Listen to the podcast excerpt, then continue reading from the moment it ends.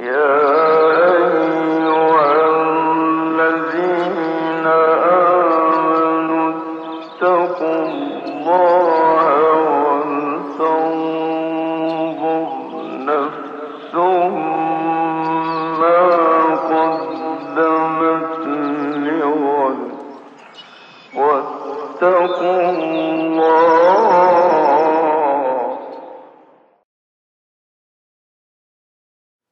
Bismillahirrahmanirrahim. Elhamdülillahi Rabbil alemin.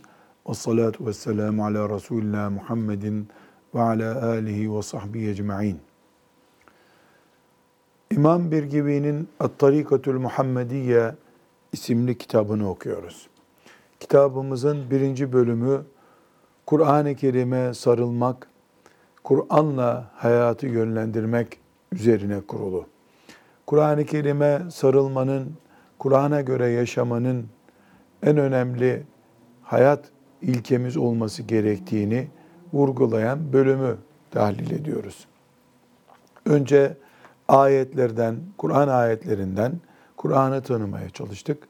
Daha sonra da Resulullah sallallahu aleyhi ve sellem Efendimizin hadis-i şeriflerinden e, Kur'an-ı Kerim'in bizim için ne anlama gelmesi gerektiğini öğrendik. Burada önceki derslerimizde de e, işaret edilmişti. Şüphesiz La ilahe illallah Muhammedur Resulullah dediği için Müslüman olan, namaz kılan, oruç tutan, belki de hacca giden hiçbir Müslümanın Kur'an-ı Kerim'de şakası yoktur. Yani Kur'an-ı Kerim benim için çok önemli değildir diyen bir Müslüman bu dünyada bugüne kadar olmamıştır. Bundan sonra da zor olur. Yani onu diyecek olan insan zaten Müslüman olmayı kabul etmeyen insan olabilir. Ya da bir yolla irtidat etmiştir de Kur'an-ı Kerim benim için artık önemli değildir. Haşa, maazallah. Böyle bir söz ağzından çıkmıştır. Bunu hakikat olarak kabul etmemiz lazım. Yani milyarlarca Müslüman gelmiştir dünyada. Şu anda da milyarın üstünde Müslüman var okuyabilsin, okuyamasın, anlamını bilsin, bilmesin. Hiç kimse Kur'an-ı Kerim'le şakalaşmaz. Kur'an-ı Kerim'in kıymetinin azlığına işaret edecek bir söz asla ağzından çıkmaz. Bunu bu şekilde kabul etmemiz lazım. Ancak yaşarken bunu belgelemek diye bir sorunumuz var bizim. Yani söz üzerinde iddia ederken Kur'an muhteşem, Kur'an büyük, hepimizin kitabı, Allah'ın kitabı, şefaatçimiz, hatim indirdik, hatim indirdiler. Bizim filan yerde yakınımızda medrese var, orada çocuklar hafız yapıyorlar. Böyle şeyleri konuşuluyor, dinliyoruz, kolay konuşuyoruz ama ortada bir hakikat var ki Kur'an'ımızın çizdiği Müslümanlık tablosunu oluşturmakta sıkıntı çekiyoruz. Onun için e, İmam bir gibi rahmetullahi aleyh e, yaşadığı toplumda ki bundan asırlar öncesine ait bir toplum, yaşadığı toplumda e, gördüğü Müslümanlık iddialarına rağmen insanların ortaya çıkardığı Müslümanlıkta olmaması gereken görüntüleri Kur'an ve Peygamber aleyhissalatü vesselam Efendimizin sünnetinin çizgisine çekmeye çalışmıştır. Bu sebeple de kitap başlarken önce Müslümanın zihninde Kur'an'ı tasarlamak, Kur'an hakkında ne düşündüğümüzü yeniden belgelemek gibi bir tabloyla başlıyor. Allah ona rahmet etsin. Şimdi dinleyeceğimiz hadisi şeriflerde bu manada çok önemli. Yani zaten Kur'an'a inanıyoruz biz. E, elbette ölünce akrabalarımız Kur'an e, okuyoruz arkalarından. Demek ki cennet garantisi bir kitap bu. Veyahut da pek çok insan ben öldüğümde e, şu kadar Kur'an okuyun hakkımda diyor. Ramazan-ı Şeriflerde Kur'an dinliyoruz ama bunun bir de e, ötesi olması lazım. Yani Kur'an mantıklı Müslüman olmak. Kur'an gözlüğü kullanan Müslüman olmak, Kur'an kulaklığı kullanan Müslüman olmak, hayata Kur'anca bakmak gibi bir e, öne çıkarılması gereken fark var.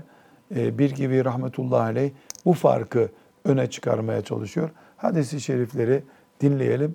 Hadislerin içinde de inşallah bu manayı yakalamaya çalışacağız. Hocam buyurun.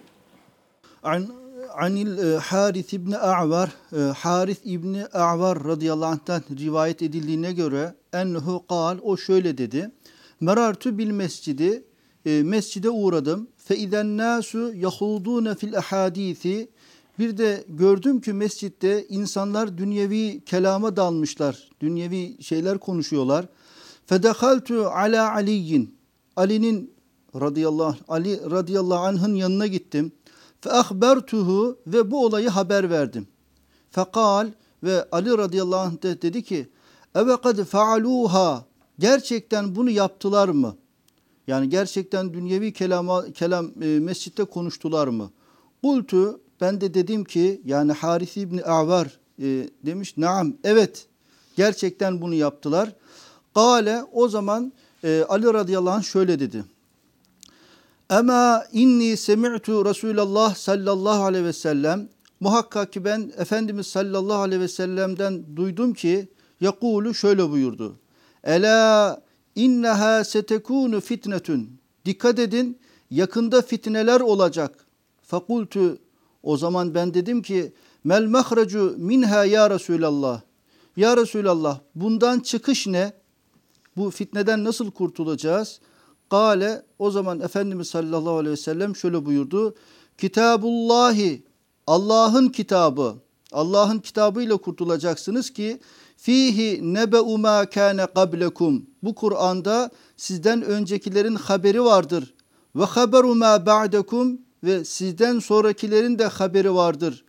Ve hukmu ma beynekum. Aranızdaki şeyin hükmü vardır. Ve huvel faslu leyse bil hezli. Bu Kur'an hakla batılı ayırıcıdır, şaka değildir. Men terakahu min cebbarin kasamehullahu teala. Her kim zulümden dolayı, despotluğundan dolayı bu Kur'an'ı terk ederse Allah o kimseyi helak eder. Ve meni bitegal huda fi gayrihi ezallahullahu. Her kim hidayeti Kur'an'ın dışında ararsa Allah onu saptırır. Ve huve bu Kur'an hablullahil metinu. Sapas Allah'ın sapa sağlam ipidir. Ve huve zikrul hakimu. Bu Kur'an bir öğüttür, ha- hakimdir. E, içinde geçenler hikmetlidir. Ve huve sıratul müstakimu. Bu Kur'an dosdoğru bir yoldur. Ve huvellezî la yezigu bihil ehvâ'u. Bu Kur'an'la hevalar kaymaz. Yani hak, haktan batıla meyletmez. Ve la teltebisu bihil elsinetü. Diller bu Kur'an'la karışmaz. Ve la yeşba'u minhul ulemâ'u. Alimler bu Kur'an'a doymaz. Ve la yahluku an ketretit terdadi. Bu Kur'an'ı çok okumaktan dolayı Kur'an eksimez. Ve la tenqazî acaibuhu. Bu Kur'an'ın harikaları bitmez. Huvellezî lem tentehil cinnu iz semi'athu. Cinler bu Kur'an'ı dinledikleri vakitte vazgeçmediler. Hatta kalu öyle ki dediler. İnna semi'na Kur'anen acaba. Muhakkak ki biz e, hayret veren, e, şaşkınlık veren bir Kur'an-ı Kerim dinledik. Yehdi ila rüşdi fe amennâ bih. Bu Kur'an e, bu Kur'an hidayete doğru yola götürüyor. Biz bu Kur'an'a iman ettik.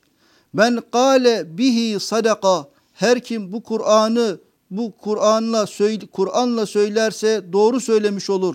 Ve men amile bihi ucira. Her kim bu Kur'an'la amel ederse sevap kazanır. Ve men hakeme bihi adele. Her kim bu Kur'an'la hüküm verirse adil olur. Ve men daa ileyhi heda ila sıratin müstakimin. Her kim bu Kur'an'a davet ederse dost doğru olan yola davet etmiş olur. Hudiye ila sırat-ı müstakim oku.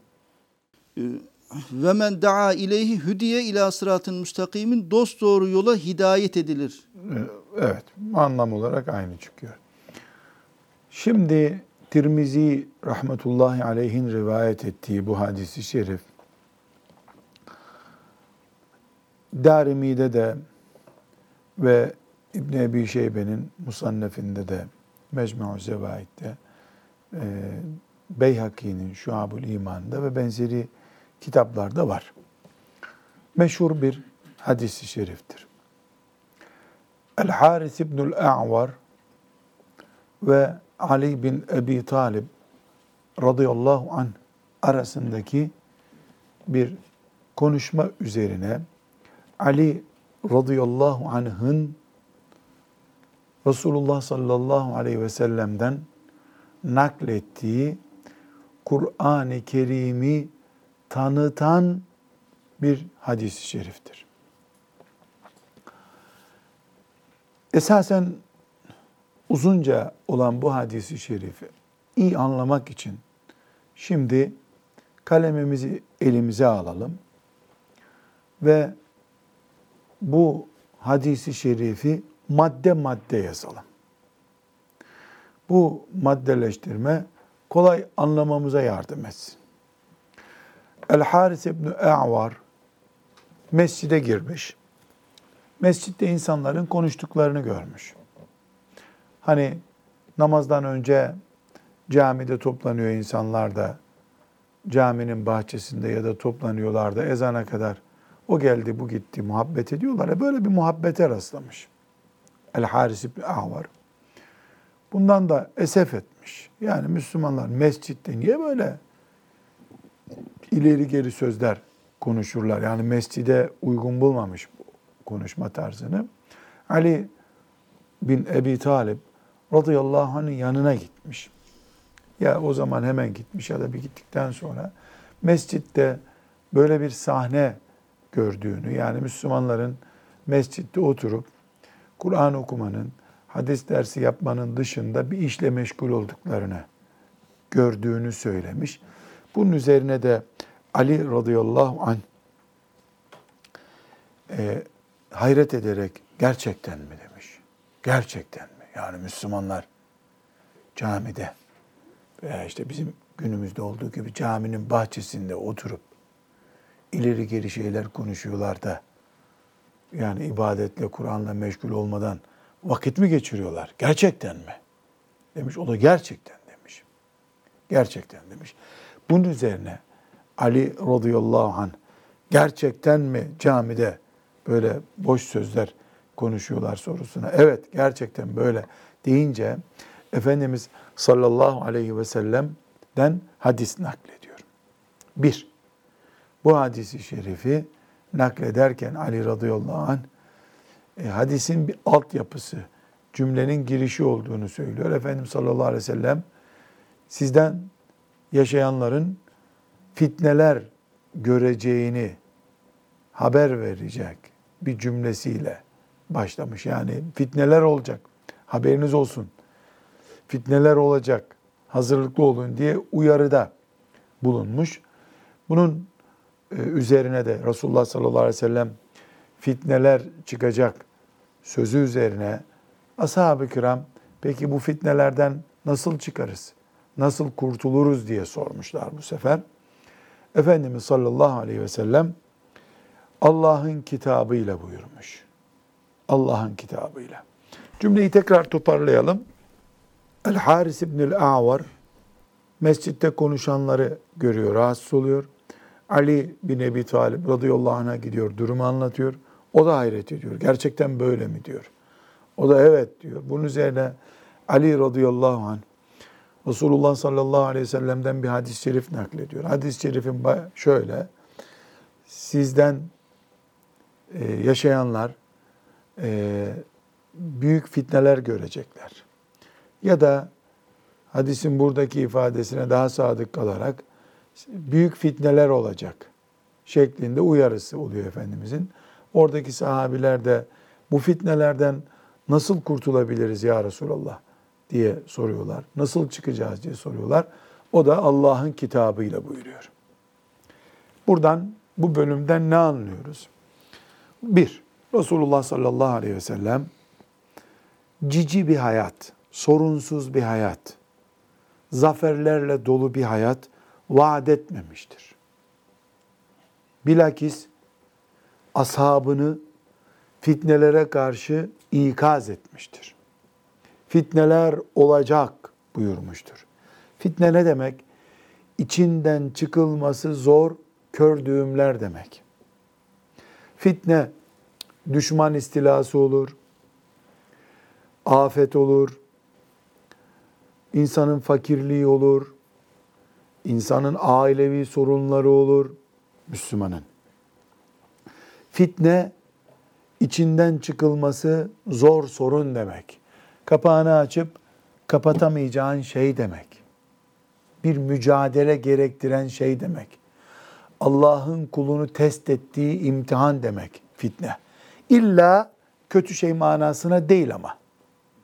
Kötü şey manasına değil. Bu sebeple fitne deyince yani muhakkak kafirin başına gelen ya da imandan çıkanların başına gelen bela demek değil. Fitne Allah'ın imtihanı demek. Bu ailede olur. Devlet çapında olur. Toplum çapında olur. Doğal afet olur. Düşman istilası olur.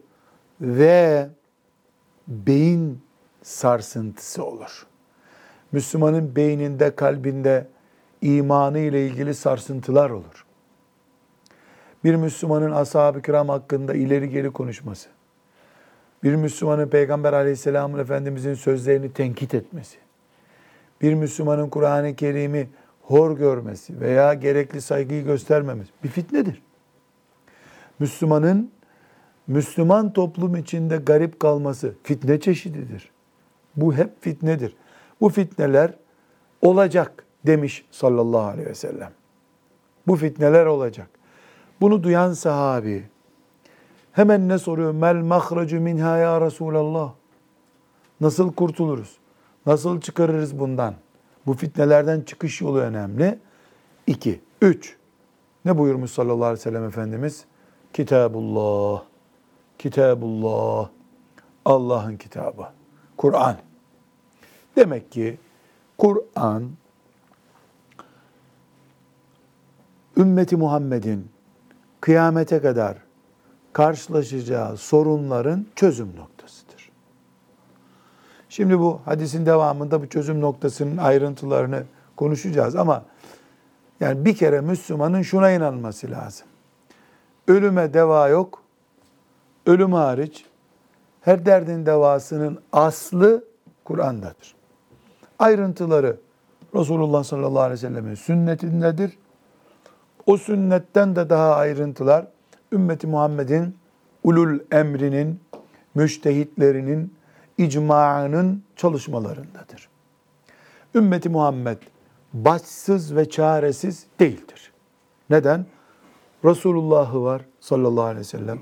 Resulullah'ın aleyhissalatü vesselam bıraktığı Kur'an var. Kur'an'ın önümüzü açtığı Peygamber aleyhisselamın sünneti var. O sünnetin bize yol gösterdiği müştehitlerimiz, ulul emrimiz ve benzeri icmamız, çalışma sistemimiz var. Başsız ve çaresiz bir ümmet değiliz. Ama en keskin ilacı, en çare olan sistemi kullanamadığın zaman yine çaresizsin.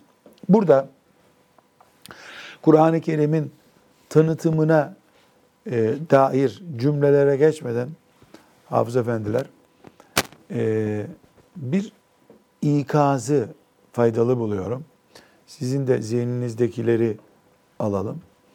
Şimdi umumiyetle hoca efendiler, şeyh efendiler, yani insanları irşad etmek için gayret edenler, yazarlar. İslam namına konuşurken hoş vaatleri önde tutarlar hep. Çok hoş vaatler. Geliyor. İslam geliyor. İslam huzur verecek. El hak doğru bunlar. E, Resulullah sallallahu aleyhi ve selleme bakıyoruz. E, Kur'an devleti kurdu. Medine'de değil mi? Daha iyisini kurmak mümkün mü dünyada? Ebedi mümkün değil. Onun mantığı üzerinde yeniden inşallah canlanacak. Ama Müslümanlar kıyamete kadar kursalar, kursalar, kursalar e Medine'deki devlet gibi bir devlet kurabilirler. Daha iyisi olur mu? Ebu Bekir olacak mı bir daha ümmeti Muhammed'in?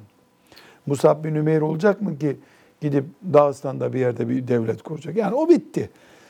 O zirveyi yakalasa insanlık cennete girdi demektir zaten. Buna rağmen, şimdi Hoca Efendi buna dikkat edelim. Buna rağmen Efendimiz sallallahu aleyhi ve sellem setekunu El fiten buyuruyor değil mi? Fitneler olacak diyor. Hatta mesela Deccal'dan bahsediyor değil mi? Ne kadar bahsediyor ki Deccal'dan? Sahabe ne diyor? Geri dönüp arkamda mı Deccal diye bakasım geldi diyor. Mecazi bir ifade tabii. Hakikaten geri dönüp Deccal'a bakmadılar. O an hissetmişler yani. Yani Peygamber aleyhisselam efendimiz uzak bir şey anlatmamış onlara adeta. Halbuki başka hadislerde dinliyorlar Efendimiz dinine dair ömürler biçiyor. Mesela yüzlerce yıllardan bahsediyor. İstanbul'un fethinden bahsediyor değil mi? Hiçbir şey olmasa Peygamber sallallahu aleyhi ve sellemin vefatından sonra gelecek. Ha, en azından olması yani onun sağlığında gelmeyeceği belli Gelmeyecek, bir şey evet. değil mi? Yani en azından o sene yok bir defa ortada. Ama iman nasıl bir şey? Dediyse arkamda olabilir şeklinde. Bir, iki, Efendimiz sallallahu aleyhi ve sellem gerçekler üzerinden sahabesini yetiştiriyor. Bu çok önemli bak. Avucunu açsa cenneti gösterecek onlara değil mi? Bir tür ona bakıp cenneti gördü ashab-ı kiram. Yani böyle bir gerçek vaka değil ama mesela Harise radıyallahu anh ne diyor? Ben Rabbimin arşındaydım, onu gördüm diyor. Ebu Bekir radıyallahu anh mesela ya sanki cennette girdi çıktılar ya akşam girip sabah çıkıyor gibi böyle. Mola verir gibi dünyaya geldiler. Ama buna rağmen Efendimiz'e bakıyoruz gerçeklerden de kopmuyor anlatımında. Bu fitne uyarısı çok önemli. Fitnelere hazırladı ashabını. Aslında ashabı için bu fitnelerin çok önemli bir bölümü de e, gerçek olarak o günlerin gerçeği değildi. İlerinin gerçeğiydi. Buna rağmen ashabını 10 dakika içinde karşılaşabilecekleri bir sorun olarak fitnelere hazırladı sallallahu aleyhi ve sellem. Biz sünnete ehil bir Müslümanlık iddiasındayız inşallah. Sünnet üzere yaşamamız. Eğitimimiz sünnet üzere olması da bir sünnet değil mi? Şimdi siz sarık sarıyorsunuz. Takabbelallah. Sünnet bu. Sakal bıraktınız. Sünnet. Ee, yakasız gömlek daha çok benziyor diye yakasız gömlek giydiniz. Değil mi? O gayeyle mi giydiniz? O da sünnet. Takabbelallah. İttiba bu. Peki eğitim metodu olarak Peygamber aleyhisselam efendimizin metodunu izlemek de bir sünnet değil mi? Asıl sünnet işte e, Efendimizin o metodunu uygulamak. Yani O bütününü vermek demek oluyor. Şimdi burada e, Efendimiz sallallahu aleyhi ve sellemin eğitimine bakıyoruz. Bakıyoruz ki bu eğitimde aleyhissalatü vesselam Efendimizin eğitiminde hayalcilik yok. Taviz yok. Kayırma, kollama yok. Kızını bile tehdit ediyor. Mesela hırsızlıkla ilgili cezayı, kol kesmeyi konuşurken bir şefaatçilik yani bunu erteleyebilir miyiz gibi bir kollama söz konusu olduğunda ne üzerinden örnek veriyor? Kendi kızı, öz kızı üzerinden. Fatıma Lev inne Fatıma Mete. bintu Muhammed sallallahu aleyhi ve sellem. Hadisin Buhari'deki lafzı çok tatlı. Fatımete bintu Muhammed. Muhammed'in kızı Fatıma bile çalsa. La kata'tu yedeha. Elini keserim. Allahu Ekber. Kayırma yok. Kullama yok. Merhamet var ama doktor merhameti bu. Doktorun merhameti gibi. Komşu merhameti değil. Mesela doktor çok merhamet etse çocuğu ağlatmayayım dese iğne vurmasa merhamet etmiş olur mu çocuğa? zulmetmiş olur. Sen şimdi Mus'ab'ını doktora götürdün. Doktor Fırat'a mı götürüyorsun? Evet hocam. Götürdün. Doktor Fırat ağlatmayayım çocuğu dedi. Sen de Allah razı olsun çocuğumu ağlatmadın. Çok iyi doktor. Oldu mu şimdi çok iyi doktor? Ne oldu peki? Zalim doktor oldu. Evet. Zalim doktor oldu. Resulullah sallallahu aleyhi ve sellem merhametin zirvesindedir. Raufun rahim. Rahim. Ayetle sabit. Allahu Teala'ya ait isimler Efendimiz için kullanıldı değil mi? Rahim. Ama doktor merhameti. O merhamet ümmetine zarar verecek şekilde olunca bir kıymeti yok ki. Bunun için gizleyeyim bunu. Sonra çocuklar bulur, kullanırlar demedi. Fitnelerden haber verdi. Bu fitneler olacak. Hazır olun buyurdu. E, ümmetinden bir kısmı hazırlanmadı. Onu onlar düşünsünler. Şimdi sünnetten biz konuşacağız. Ve bu gençler sünneti öğrensinler diye genç yaşta sakal bıraktılar. Halid hafız oluyor. Resulullah'ın sallallahu aleyhi ve sellemin sünneti olsun diye. Ama metot olarak hayatı kavrarken Peygamber sallallahu aleyhi ve sellemin kavratmak için verdiği mücadeleye uygun bir kavrayış olması lazım. Nedir o? Hayatı acısıyla tatlısıyla tanımak lazım. Fakirliğiyle, zenginliğiyle tanımak lazım değil mi? Efendimiz sallallahu aleyhi ve sellem hadisine bakıyor. Zenginliğe yönelik teşvikler var. Bakıyoruz fakirliğe karşı sabır teşviki var. Hatta mesela meşhur e, Bahreyn'den gelen kafileyi bekleyen sahabilere ne diyor? Fakirlikten korkmuyorum merak etmeyin diyor. Zengin olacaksınız da ondan endişe ediyorum diyor. Buna hazırlık hep ümmetini hazırlıyor. Niye veda hutbesinde son cümlesi ya da başlarkenki konuşma son cümlenin başlangıç cümlesi nasıldır? Sizin şirkten çok birbirinizin kafasını vurmasından korkuyorum. O zaman demek ki ümmeti Muhammed'in abdesti, tahareti, guslü, elif cüzünü öğretmesi nasıl bir ibadet, cihatsa Müslümanın Müslümanın kafasını vurmasına karşı teyakkuz olmak, Allah'a katil bir mümin olarak gitmenin ebedi cehennemde kalmak olabileceğini bilmek. Değil mi? Ayet-i Celile'yi okuduğumuz zaman mümin mümini kasten öldürdüğü zaman ebedi bir nauzu cehennem billah. cezası. Bu, bunu abdest gibi öğretmek gerekmiyor mu? Ama biz eğer cihadı sadece düşmana karşı vatanı savunmak, işte Yahudi ile savaşmak olarak anlatırsak, Yahudi öldüremeyen, Yahudi de kendini müdafaa edemeyen kardeşini öldürmeye kalkıyor. Yani ümmeti Muhammed'in e, Resulullah sallallahu aleyhi ve sellemin eğitimindeki incelikleri kavraması çok önemli bir sünnet. Bu kavrama eğer abdestse abdest, taharet. Mesela ne buyuruyor? Sahabinin birini görmüş. Ökçesi kurum kalmış abdest. Ökçe neresi? Ayakkabının arka kısmı. Topuğun topuğun üst kısmındaki kısım. Yani alt kısmı değil. Ayak böyleyse buraları kuru kalmış. Ökçe. Akabi minen nar. Veylül lil akabi minen nar buyurmuş. Vay ökçeler yanacak ateşte. Vay ökçeler yana. Ne büyük bir azamet bu ya. Tamam. Ayakların yıkanmasına karşı demek ki hassas olmak gerekiyor. Ama mümin müminin iffetini zedeliyor. Yani arkasında konuşuyor, onurunu kırıyor, şahsiyetini kırıyor. E bu yarın Müslümanlar arasında birbirinin boynunu vurmak tehlikesine götürebilir mi diye alimler sünnet olarak her şeyi ele almaları gerekiyor.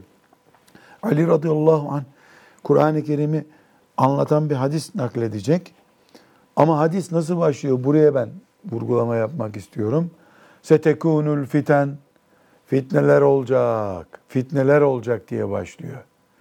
Bunun üzerine nasıl çıkarız bu fitnelerden ya Resulullah diye soruyor ashab-ı kiram. Heh, cevap olarak fitnelerden kurtuluş kitabullah'tır diyor. Biz buradan henüz Kur'an-ı Kerim'i tanıtan e, bu ayrıntılara girmeden e, bu noktayı çok önemli görüyorum. Yani biz sünnet üzere çocuk yetiştirmek, bizim için de tabii sünnet üzere yaşamak. Sadece sakal bırakmakla sınırlandırılmamalı. Haşa sakalı tahfif için değil bu cümle tabii. E, sünneti konuşurken bir de şimdi sakalı sanki basit görüyormuşuz gibi değil. Sünneti tahfif değil meselemiz. Meselemiz sünneti parçalama tehlikesidir. Eğer sadece bu bıraktığınız sakalla ehli sünnet kamilen olduğunu zannediyorsan en aldanmış insan sensin o zaman. Yani araba 5000'e yakın parçadan oluşuyormuş. Sen bir direksiyon bulunca yolda yürürsen meczup derler sana. Yani meczubu taklit ederken karikatür çizdiklerinde gördünüz mü öyle karikatür? Sadece direksiyon çiziyorlar. Bir Araba yok direksiyon, ortada. araba yok. Adam sağa sola çeviriyor. E meczup. Evet. Şimdi hayatın tamamını kuşatan bir sünnet mirası bırakmış Aleyhisselatü Vesselam Efendimiz. Ve sen geldin sadece sarıkla bana bunu anlatıyorsun. Sarık sarıyorsun. Ehli sünnetin kamil örneği mi olursun sen? nakıs örneği olursun o zaman. Nakıs örneği olursun. Peygamber aleyhisselam Efendimiz kamil geldi. El-yevme ekbeltü leküm dinekum ve etmemtu aleykum nimeti ayetinde. Yani sünnet de o tamamlayıcı unsurlardan değil mi? Dolayısıyla e, çok dikkatten kaçan bir şey. Medreselerde durdunuz mesela. Bu pencereden bakıldığını hissedebiliyor musunuz? Yani mesela Ahmet bin Hanbel'in müsnedini okumak sünnettir. Bukhari'nin tamamını okumak sünnettir mi yoksa 10 tane madde seçip bunlarla iktifa etmek mi sünnettir anlaşılıyor neticede? Ee, yani e, şunu ifade etmek istiyorum da e, sana sarık, e, sarıydı, sarıktı, sak, sakaldı. İşte bu sünnetlerle birlikte nasıl ki sünnet bilinci yerleştiriliyorsa bir Müslümanın aile hayatında Efendimiz Aleyhisselatü Vesselam nasıl davranmış, o sünneti işte eğitim metodunu nasıl uygulamış, e, o şekilde sünnetin uygulanması gerekir. Yoksa sadece bir tarafından alınıp da e, bir taraftan alınması e, sünnetin tam anlaşılmadığını da gösteriyor. Sadece anlamamak diye bir sonuç çıkmıyor ki arıza çıkıyor bu sefer. Parçalamak da çıkıyor bir taraftan Evet, hocam. sünnet parçaları. Parçalanınca bir yandan hayal buluyoruz. Koca abi sünnet ehliyiz. Sünnet üzere yaşıyoruz diye umut ederken aslında bir direksiyon var elimizde. Bir direksiyon var. Burada hocam Ali radıyallahu anh'ın da belki dikkat çekip özellikle bunu aklına getirmesi de bunu ifade ediyor olabilir. Çünkü mescide uğradım diyor Haris. Mescit zaten ümmeti Muhammed'in toplanma yeri. Elhamdülillah herkes mescitte ne güzel. Ama mescitte dünya ile alakalı meseleler konuşuluyor. işler konuşuyor. Yani mescitte bulunmak sünnet ama mescitte dünya ile alakalı bir şey konuşmak sünnet dışı bir iş. Hatta Peygamber sallallahu aleyhi ve sellem yani mescitte boş söz, gereksiz laflardan kaçının Gibi ikazları. ikazları var. Burada Resulullah'ın mescide girme sünnetine uyulmuş ama mescitteki hareketlerinin nasıl olması ile alakalı ikazlarına uyulmamış. İşte bunu da belki fitne olarak görüyor Ali radıyallahu anh. Evet. Onun için bayağı ben niye buna böyle bir geniş giriş yapma ihtiyacı hissettim? Ali radıyallahu anh bunu fitnelerin başlangıcı gibi telakki ediyor demek ki. Müslüman mescide hazır oturup namazı bekliyorsun. Niye boş duruyorsun ki? İlim öğren. Bir şeyler öğren. Yani bu hadis-i şerif için camilerin bahçesindeki banklarda oturup muhabbet eden ihtiyarlara e, yorumlayalım diyeceğim gibi zannediliyor da öyle değil yani. İmam efendi de boş duruyorsa, müezzin efendi de boş duruyorsa, ne sana 10 dakika var, gir tesbih yap içeride, bir sayfa Kur'an-ı Kerim oku denmesi gerekiyor demek. Zikrullah varken, tilavet varken niye boş bekliyoruz? Yani Allah'tan Ali radıyallahu anh'ın gününde değiliz biz. Yoksa yani bizi camiye de sokmazdı herhalde. Siz ne işiniz var camide der. Gençlerin bu konuda e, hayat tecrübeleri demeyeyim de e, sünnetin bu şekilde geniş anlaşılması yönünde e, var mı istekleri konuşabilirler. E, Biz yaşlılar olarak konuşmayalım. Gençler de ehli Kur'an olarak siz de konuşabilirsiniz. Aklınıza geliyorsa mikrofonu alıp konuşabilirsiniz. Buyur dinleyelim. Ben medresede okumamıştım ama elhamdülillah İmam Hatip Lisesi'nde okudum. En azından her gün olmasa da e, İmam Hatip Lisesi'nden geldiğinde annemin ikazı şu olurdu. E, oğlum namazını kıldın mı? E, oğlum hocalarına ahlaksızlık ettin mi? diye böyle şeyler sorardı bana. Yani bugün nasıl geçti diye. Ama bugünü nasıl geçirdiğine dair soruları hep e, namaz üzerinden veyahut da böyle herhangi bir fitne, ahlaksızlık üzerinden olurdu. Ama halbuki daha e, tablonun arkasındaki şeyleri soramazdı veyahut da öyle bir ortam oluşmadığı için e, sormadılar. E, Ama annene elbet. haksızlık etme. Annene de İslam öyle öğretildi. Annen o tabii şekilde tabii şüphesiz anladı hocam yani. şüphesiz. Annen daha büyük iyilik yapmış. Seni İmam Hatip'e göndermiş. Orada alimlerle tanış. Ne yapacaksan yap demiş. Annem paçayı kurtarmış bence. Doğrudur hocam. İş bir şey düştü şimdi. İş sana düştü. Annenin de şefaat vesilesi olmak sana kaldı şimdi. Amin inşallah. Evet. Yani sadece Bu bir hayattan örnek veriyorsun değil mi Evet yani halimizin izahını örnek. Evet doğru. İnşallah. Hayattan böyle ama gene Allah annenden razı olsun. Yapabileceğini yapmış en azından. Doğrudur. Sen ve eşin inşallah ileride Yapılması gerekeni yapacaksınız. Allah'ın izniyle. Evet. Şimdi hadis-i şerife geçelim. Bu noktadan sonra Ali radıyallahu anh hadisi şerifi okuyoruz. Başlıyor Kitabullah'tır diyor. Kurtuluşunuz Kitabullah'tadır diyor. Sonra da madde madde Kur'an neden kurtuluşumuzdur? Nasıl kurtuluşumuzdur? Bunu açıklıyor. Bunu şimdi madde madde yazalım. Fihi nebe'u ma kana qablekum ve haberu ma ba'dekum. Kur'an'da sizden öncekilerin ve sizden sonrakilerin bilgisi vardır. Bir, bir. Kur'an'ın temel özelliklerini sayıyor. Ali radıyallahu anh'ın bu hadisi şerifi. Bir, Kur'an'da sizden öncekilerin ve sizden sonrakilerin haberi vardır. Kur'an bizden sonrakilerin ve bizden öncekilerin dolayısıyla bizim de haberimizi ihtiva ediyor derken insanlık tarihi, İslam tarihi filan gibi bir bilgi değil bu. İnsanın aslı ve insanın akıbeti, insanın karakteri, insanın yapısı, biyolojisi, insanın ruhaniyeti, insanı yaratan Haliki ve mahluk olarak insan, kainatın bütünlüğü ve kainatın içinde 75-80 kiloluk adam veya kadın insan. Bu tür bilgileri açısından bizden önceki insanın, bizden sonraki insanların ve bizim dolayısıyla haberimiz var. Yani bize ait bilgiler, insana ait bilgiler buradadır. Bu barkod numaralarına bakarak, nüfus kağıdı numaralarına bakarak kim kaç tarihinde doğmuş bu tip bilgiler manasında değil. Bunlar zaten nüfus müdürlüklerinde var. Kur'an'ın bunları yazması gerekmiyor. Afrika'da siyahlar yaşıyor. Kuzeyde beyazlar yaşıyor. Doğuda çekik gözlüler yaşıyor. Bunu Kur'an yazacak bir kitap değildir.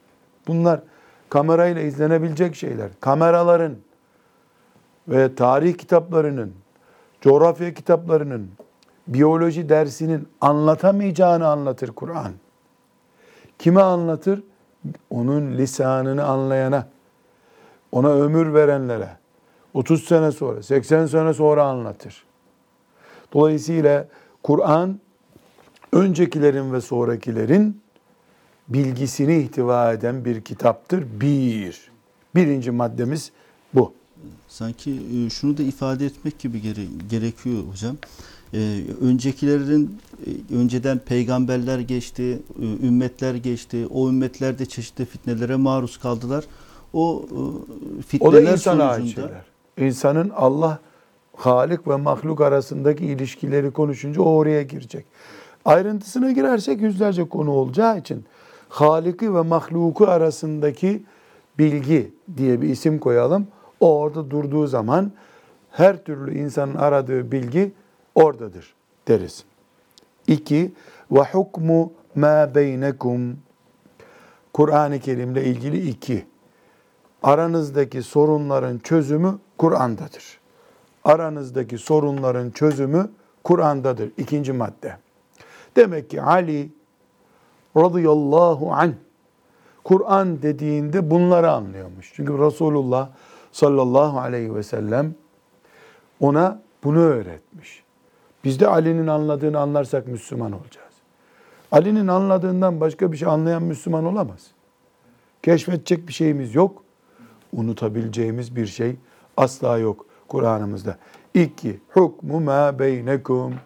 Aranızda olup biter. Ne olur biter? Baba oğul arasında, eşler arasında, iki insan arasında, kardeşler arasında, ülkeler arasında. E peki e, insan haklarına dair ayetler mi var? Hayır. Ülke coğrafyası ile ilgili sınırlar nasıl çizileceğine dair ayetler mi var? Hayır. Ne var peki? Temel maddeler var. Allah'a göre belirlenmiş konumlar var. Hani yeni teknolojide konum gönderme diye bir şey var ya.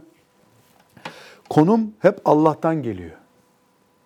Arş-ı alaya göre bir planlama var. Levh-i mahfuza göre planlama var. Konum gelecek.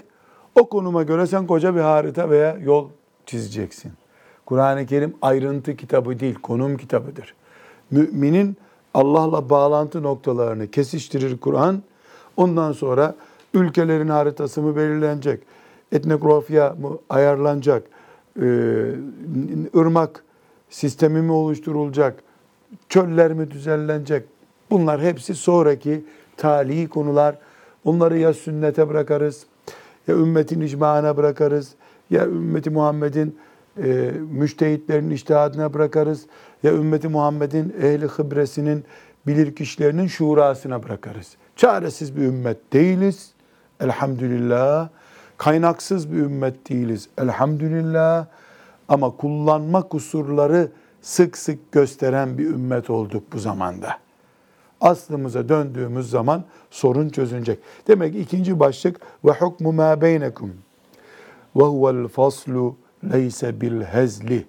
Üçüncü başlık. Üçüncü başlığım. Yani Kur'an nedir sorusuna Ali radıyallahu anh'ın rivayet ettiği hadis-i şerifteki üçüncü başlık nedir? Ve huvel faslu leyse bil hezli. Kur'an ciddidir, şaka değildir. Kur'an ciddidir, şaka değildir. Demek ki Kur'an ve ciddiyet konusu hep bir arada olacak. Şaka yok Kur'an'da. Espri yok. Propaganda için olan yok. Çünkü Kur'an Allah demektir. Kur'an levh-i mahfuz demektir. Kur'an arşullah demektir.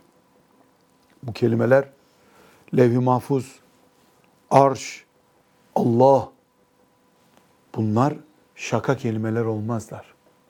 Bunların üzerinden espri yapılamaz. Kul Halık'ı ile espri yapamaz. Bu sebeple şaka ile de olsa, tiyatro içinde olsa küfür cümlesi kullanılamaz. Kur'an'ın muhkem ayetleri yani tartışmasız anlaşılmış ayetlerinden bir ayet üzerinden espri yapılamaz. O ma huve bil hezl. Kur'an ne buyuruyor? Bu bir şaka değildir. Huvel faslu leyse bil hezl. Üçüncü kural, mümin Kur'an'a en ciddi kaynak olarak bakar. Yani daha ciddili, ciddiliğin daha ötesi yok. Ölüm bile mesela ne kadar e, insanlar ölüm hakkında ne diyorlar? Tamam ölümün şakası yok. Geç gelsin istiyoruz diyorlar. Yani ölmemek diye bir kavram oldu mu hiç insanlıkta konuşan? Hayali bile yok bunun değil mi? Ölmeyeceğim diye şiir yazan şairin şiiri okunuyor mu? Ölmemek diye bir şey yok. Dolayısıyla insanoğlu için en ciddi şey ölmemek. Şey, ölmektir. Yani ölüm vakasıdır. Kur'an'ımız ondan da ciddi olmalıdır. Belki ölüm bir gün ertelenebilir. Ölüm kaldırılabilir bir gün. Nitekim cennette ölüm öldürülecek. Koç şekline getirecek Allah onu. Niye? E, kendisi bilir niye. Müslim'de hadis-i şerif okumuştuk değil mi? E, koç şekline gelecek. E, koçun kesildiğini bütün müminler cennette görecekler. Kesilince koç bu ölümdü diyecek Allahu Teala.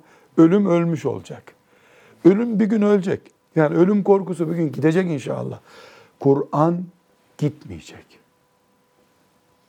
Çünkü Kur'an cennete gidildiğinde artık benim sözüm değil Allah buyuracak mı? Kur'an gene Allah'ın kitabı olacak. Gene kelamullah olacak. Dolayısıyla Kur'an mümin insanın gözünde Allah demektir. Ciddiyetini bu şekilde bakacak. El Kur'anu leyse bi hezlin. Kur'an asla şaka değildir. Kur'an'da herhangi bir ayet şaka olamaz. Kur'an'da herhangi bir ayet espri konusu olamaz. Dolayısıyla e, belki siz rastlamamışsınız. Bizim zamanımızda hoca efendilerin medreselerinde e, hurilerle ilgili şakalar yapılırdı. Mesela yemek dualarında rastladınız mı? Huriler vesaire gibi işte kadınla ilgili, ikinci eş almakla ilgili Kur'an esaslı ayetler üzerinden e, bu edepsiz bir şakadır. Böyle şaka olmaz. Yani de yemek sofralarında o kalan kırıntılarla alakalı bir huri, iki huri diye böyle ekmek kırıntıları. Yani, evet bu bir kasıt değil. Esasen tahkir değil bu. Yani Kur'an hakir görme ama Huri nereden geldi bize? Hangi itikattan geliyor? Kur'an'dan geliyor. geliyor. Bir daha evlenmek kavramı nereden geliyor? E Kur'an'dan geliyor. Yani asıldığın zaman çekiyorsun karşına Kur'an çıkıyor. Dolayısıyla bunun şakası olmaz. Kur'an'ımızda şaka olmaz. Espri konusu olamaz Kur'an-ı Kerim. Ali radıyallahu anh'ın rivayet ettiğinde. Ben şöyle bir soru sorayım. Siz bu soruya cevap verin. Diyelim bu hadisi okumadık. Böyle bir bilgide rivayet de yok. Kur'an nedir biliyoruz. Cennete gireceğimiz kaynak olacağına inandığımız, ölünce kabirde Bakara suresi gelip bize şefaat edecek, Ali İmran suresi bize şefaat edecek diye inandığımız bir mukaddes değer, şaka konusu yapılabilmeli mi bu hadis olmasa bile? Kur'an'ımız hocam yani Allah'ın kelamıysa Rabbimizle nasıl şaka yapamıyorsak kitabımızda da şaka yapamamamız lazım. Mesela Anadolu'da bir söz vardır. Ben böyle daha çok Orta Anadolu'da gittiğimde dinliyorum. Allah'ın gücüne gitmesin ama. E, duydunuz mu bu cümleyi siz? Sizin yörelerde var mı? Bizim yöre değil de bu İstanbul'da, İstanbul'da. da du- duyuyoruz Sen hocam. duyuyor musunuz bunu? Allah'ın gücüne gitmesin ama yani bir şeyi tenkit edecek. O tenkit de İslami konulardan biri. Allah'ın gücüne gitmesin ama sen nasıl karşılıyorsun bunu? Hocam bu daha çok e, doğu bölgelerinde de genelde kullanılan cümleler. Sizin yörede Yani dinliyor bizim musunuz? oralarda çok söylenir. Allah'ın gücüne gider sakın yapma. Allah bunu duyarsa yine gücüne gider. Allah'ın işte vesaire bu cümleler çok geçiyor. Ama e, eğer zaten cennet ve cehennemi gözü gibi, gözünün önünde gibi görmüş bir insan yani Kur'an üzerinden espri Ama onu diyen yapmaz. insanlar zaten Allah'a iman eden bunu bu sanki bunu kafirler diyormuş gibi kullanmıyoruz biz bu cümleyi. Müslüman belki de caminin önünde söylüyordur. Bu namazdan çıkmıştır. Allah'ın gücüne gitmesin ama haşa ben örnek için söylüyorum. Ulan bu imamın sesi de ses değil ha. Şimdi Allah yarattı o imamı. İmamın sesi de güzel. Allah'ın gücüne gitmesin ama bu imamda da tip yok ya. Derken yani söylenen cümle ağır, öldürücü bir cümle maazallah. Evet bu niyet yüzünden yani niyeti bir hakaret, dini hafife almak olmadığı için biiznillah bundan küfür çıkmaz. Yani cehenneme girecek bir şey olur demeyiz inşallah. Yani olmaz diye umarız ama müminin hassasiyeti bu, bu, bu cümleyi de kullanmamız. Yani hurilerle e, espri yapılamaz. Ya Rabbi bana huri nasip et. Dua etmek lazım. Çünkü hur'in Kur'an-ı Kerim'in e, müjdelerindendir ya. Aynı şekilde e, huri ile ilgili bir meselede e, kimsenin de gücüne de gitmemesi lazım. Özellikle kadınlarla alakalı konuşacak olursak. O da ayrı bir konu tabii tabii. Yani o da ayrı bir konu. Ee, bir nikaha şahit oldum. Esef ettiğim şeylerden biri. Ee, hanım kızımız, e, ben her nikahta size şahitsin soruyorum. Ee, şartlarınız ne? ne? Ne, ne üzerine evleniyorsunuz? Ee, hanım dedi ki benim dedi e, ikinci evlenmemesiyle ilgili şart koşmam hakkım mı dedi. Hakkın dedim. Söz verirse de evlenmeyecek dedim. Tamam o zaman ben şart koşuyorum dedi. Dünyada da ahirette de bir daha kimseyle evlenmeyecek dedi. Ürperdim. Yani kızım dedim. Biz hala cennet elimizde tapulu değil. Sen girdin. Bir de orada nüfus müdürlüğü yapıyorsun. Ne yapıyorsun sen dedim ya.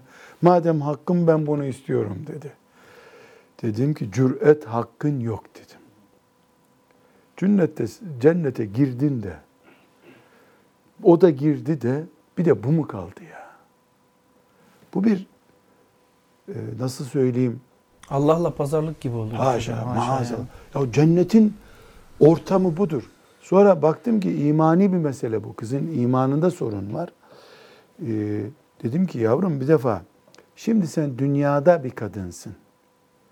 Ayşe radıyallahu anh'a da olsaydın bu öbür kadını istememek ruhunda olacaktı ve bunda haklısın sen. Buna diyecek bir söz yok.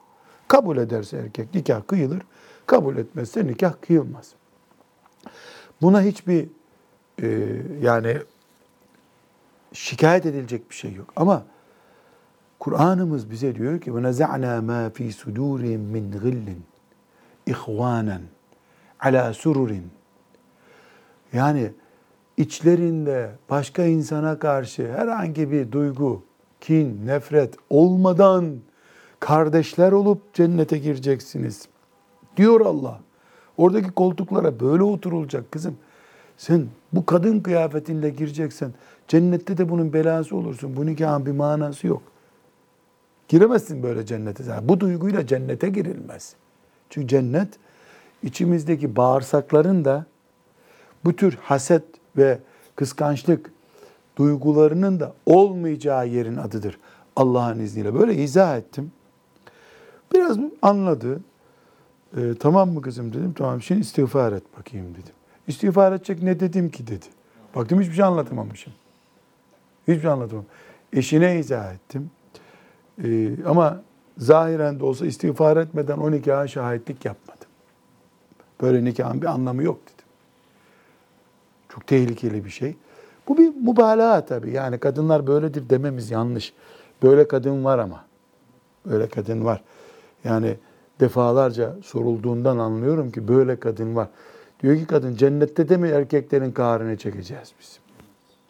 Ya cennet kahır çekme yeri midir ya? Darusselam kahırsız bir yerdir. Hasbunallah ve ni'mel vekil. Niye zaten bu ayetleri, bu hadisleri okuyoruz? Niye Tarikatül Muhammediye okuyoruz? Bu afetler bizi istila etmesin diye. Evet. Dördüncü hadis-i şerifin tekrar- etti. Men terakehu min cebbarin kasabahullahu teala. Kur'an'ı beğenmediğinden dolayı terk edeni Allah parçalar. Kur'an'ı beğenmediğinden dolayı terk edeni Allah parçalar. Bu terk etme konusunun içine girmek zorundayız. Ahmet Mehmet bir Müslüman Kur'an'ı beğenmediği için terk ederse maazallah elbette zaten Allah'ın onu parça parça edeceğini, başının beladan kurtulmayacağını, bir kamyonun altında mı kalır, uçaktan mı düşer, bunu Allah bilir. Azap göreceğini biliyoruz, kabul ediyoruz. Ama hafız efendiler, hepimizin tefekkür edeceği bir başlık açalım. Toplum olarak Kur'an devleti demek olan hilafet devletine son verip onun yerine şu bu isimli bir devlet kurmak men terakehu min cebbarin kibrinden beğenmezliğinden hafif görmesinden dolayı Kur'an'ı terk etmek değil midir? Hafız Efendi. Niye Kur'an bir Ahmet'in kitabıdır, müminin kitabı. Euzu billahi mineşşeytanirracim deyip okuyor. Beğenmeyip haşa terk ettiği zaman Allah onu parçalıyor diyoruz da. Camisiyle, mahkemesiyle, yaşamıyla, evliliğiyle, cenazesiyle Kur'an toplumu olan bir toplum maazallah Kur'an'ı istemiyoruz biz deyip yeni bir toplum yarattık deyip kurumlarıyla her şeyiyle Kur'an'ı terk ettiğinde Allah'ın parçalayacağı bir toplum kurduğunu düşünmüyoruz. Müslüman insan oluyor değil mi? Müslüman toplum demiyor muyuz? Müslüman toplum diyoruz. Birey olarak bırakıldığında da Allah'ın parçalayacağı bir işi yapmış oluyorlar. Toplum olarak bıraktığında da Allah'ın parçalayacağı bir iş yapmış olmuyorlar mı? O zaman yeniden Kur'an toplumunu oluşturma gayreti içerisinde bulunmadığımız sürece parçalanmaya hazır olacağız. Evet, Allah razı olsun. Bunun adı terörle mi yapar Allah bunu? Yapar. Afetlerle mi yapar? Yapar. Düşman saldırısıyla mı yapar? Yapar. Psikiyatrik hastalar konumuna düşeceğimiz zillete atarak mı yapar? Yapar. Ölüm korkusuyla mı? Yapar. Çünkü kasamehullah parça parça etmek, helak etmek, intikam almak demek değil mi? Ahmet haşa bu Kur'an'ı beğenmiyorum ben dediği zaman, getirin bana başka bir kitap dediği zaman, bunu Allah'ın helak edeceği bir kulu olarak görüyoruz. Toplum bu lanetli işi yaparsa o toplum terörden kurtulabilir mi? Ekonomik endişe korkularından kurtulabilir mi? afetlerden maazallah kurtulabilir mi? Hadis-i şerifin bu bölümünün altını, üstünü, her kenarını çizmek gerekmiyor mu?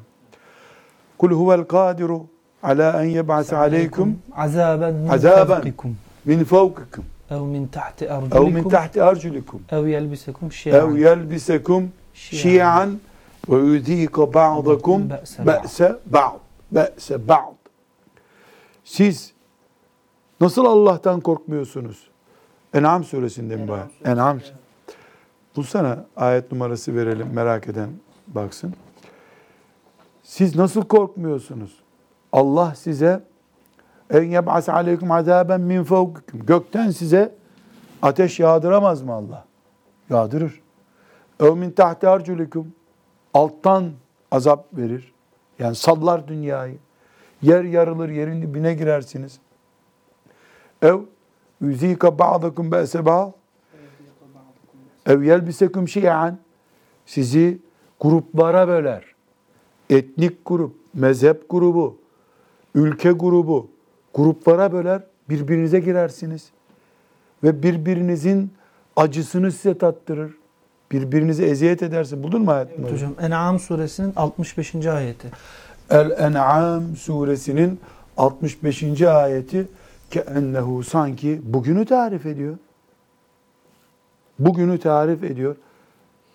Nauzu billahi teala. Ama bu ayeti e, Hamdi Yazır rahmetullahi aleyh ve gafara leh tefsir ettiğinde keşke hani Mustafa Kemal'in emriyle e, tefsir yazdı deniyor ya. O Allah rızası için yazdı. Gayret etti. Keşke bu ayetin dibine yazsaydı. Ey Kur'an devletini bırakıp yeni bir devlet kuranlar, bir Diyanet İşleri Başkanlığı'na havale ederek dini geçiştirdiğini, köşeye sıkıştırdığını zannedenler ki onun günlerinde o tefsire yakın günlerde üstelik de ezan da yasağa başlamıştı. Bir sürü yasak başlamıştı. Harf inkılabı başlamıştı.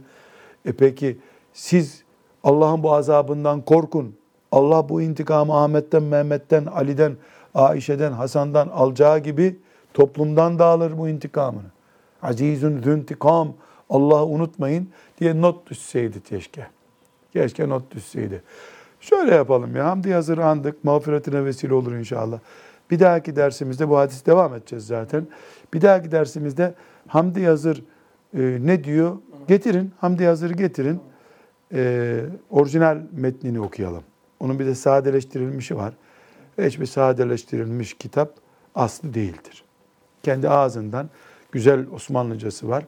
O şeyden Hamdi Yazır ne diyor bir bakalım. Çünkü acılı günlerin e, müfessiri o. E, bu yıkımı gördü. E, kendisi de Abdülhamid'in karşısında çıkanlardan zaten. E, Hal'a fetvasında etkisi olan, sekreter de olsa etkisi olanlardan. Her halükarda e, Kur'an onu kibirden, beğenmemezlikten dolayı terk edenlerin azaba uğrama nedeni olan bir kitaptır. Üç Müslüman biz bu Kur'an'ı istemiyoruz deseler maazallah Allah'ı karşılarına alırlar.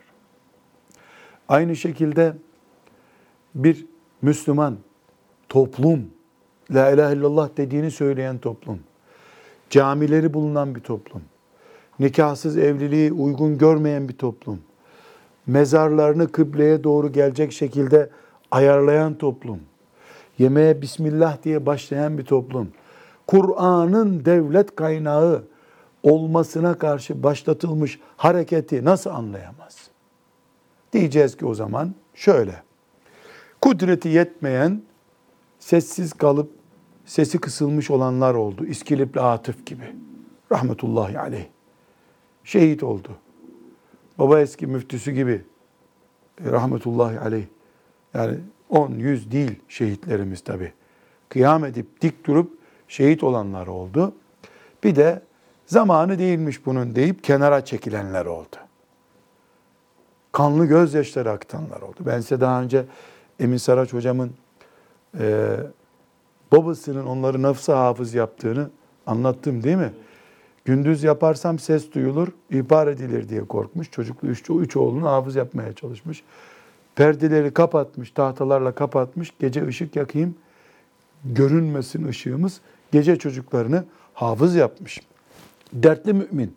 Allah ona bütün salih kullarına yaptığı rahmeti kadar rahmet etsin. Bu himmet çok önemli. Ben bizzat hocamdan bu hatırasını dinledim. Yani nasıl gittik? Erbaa'da. Siz var mıydınız Evet, evde? Köydeki evine. Evinde vardınız değil mi? Evet vardı. Yani gittik o evi bizzat bize gösterdi. Evet. Hafızlık yaptığı odayı e, rahmetullahi aleyh yani hocamıza da ömürler versin Allah afiyetler versin.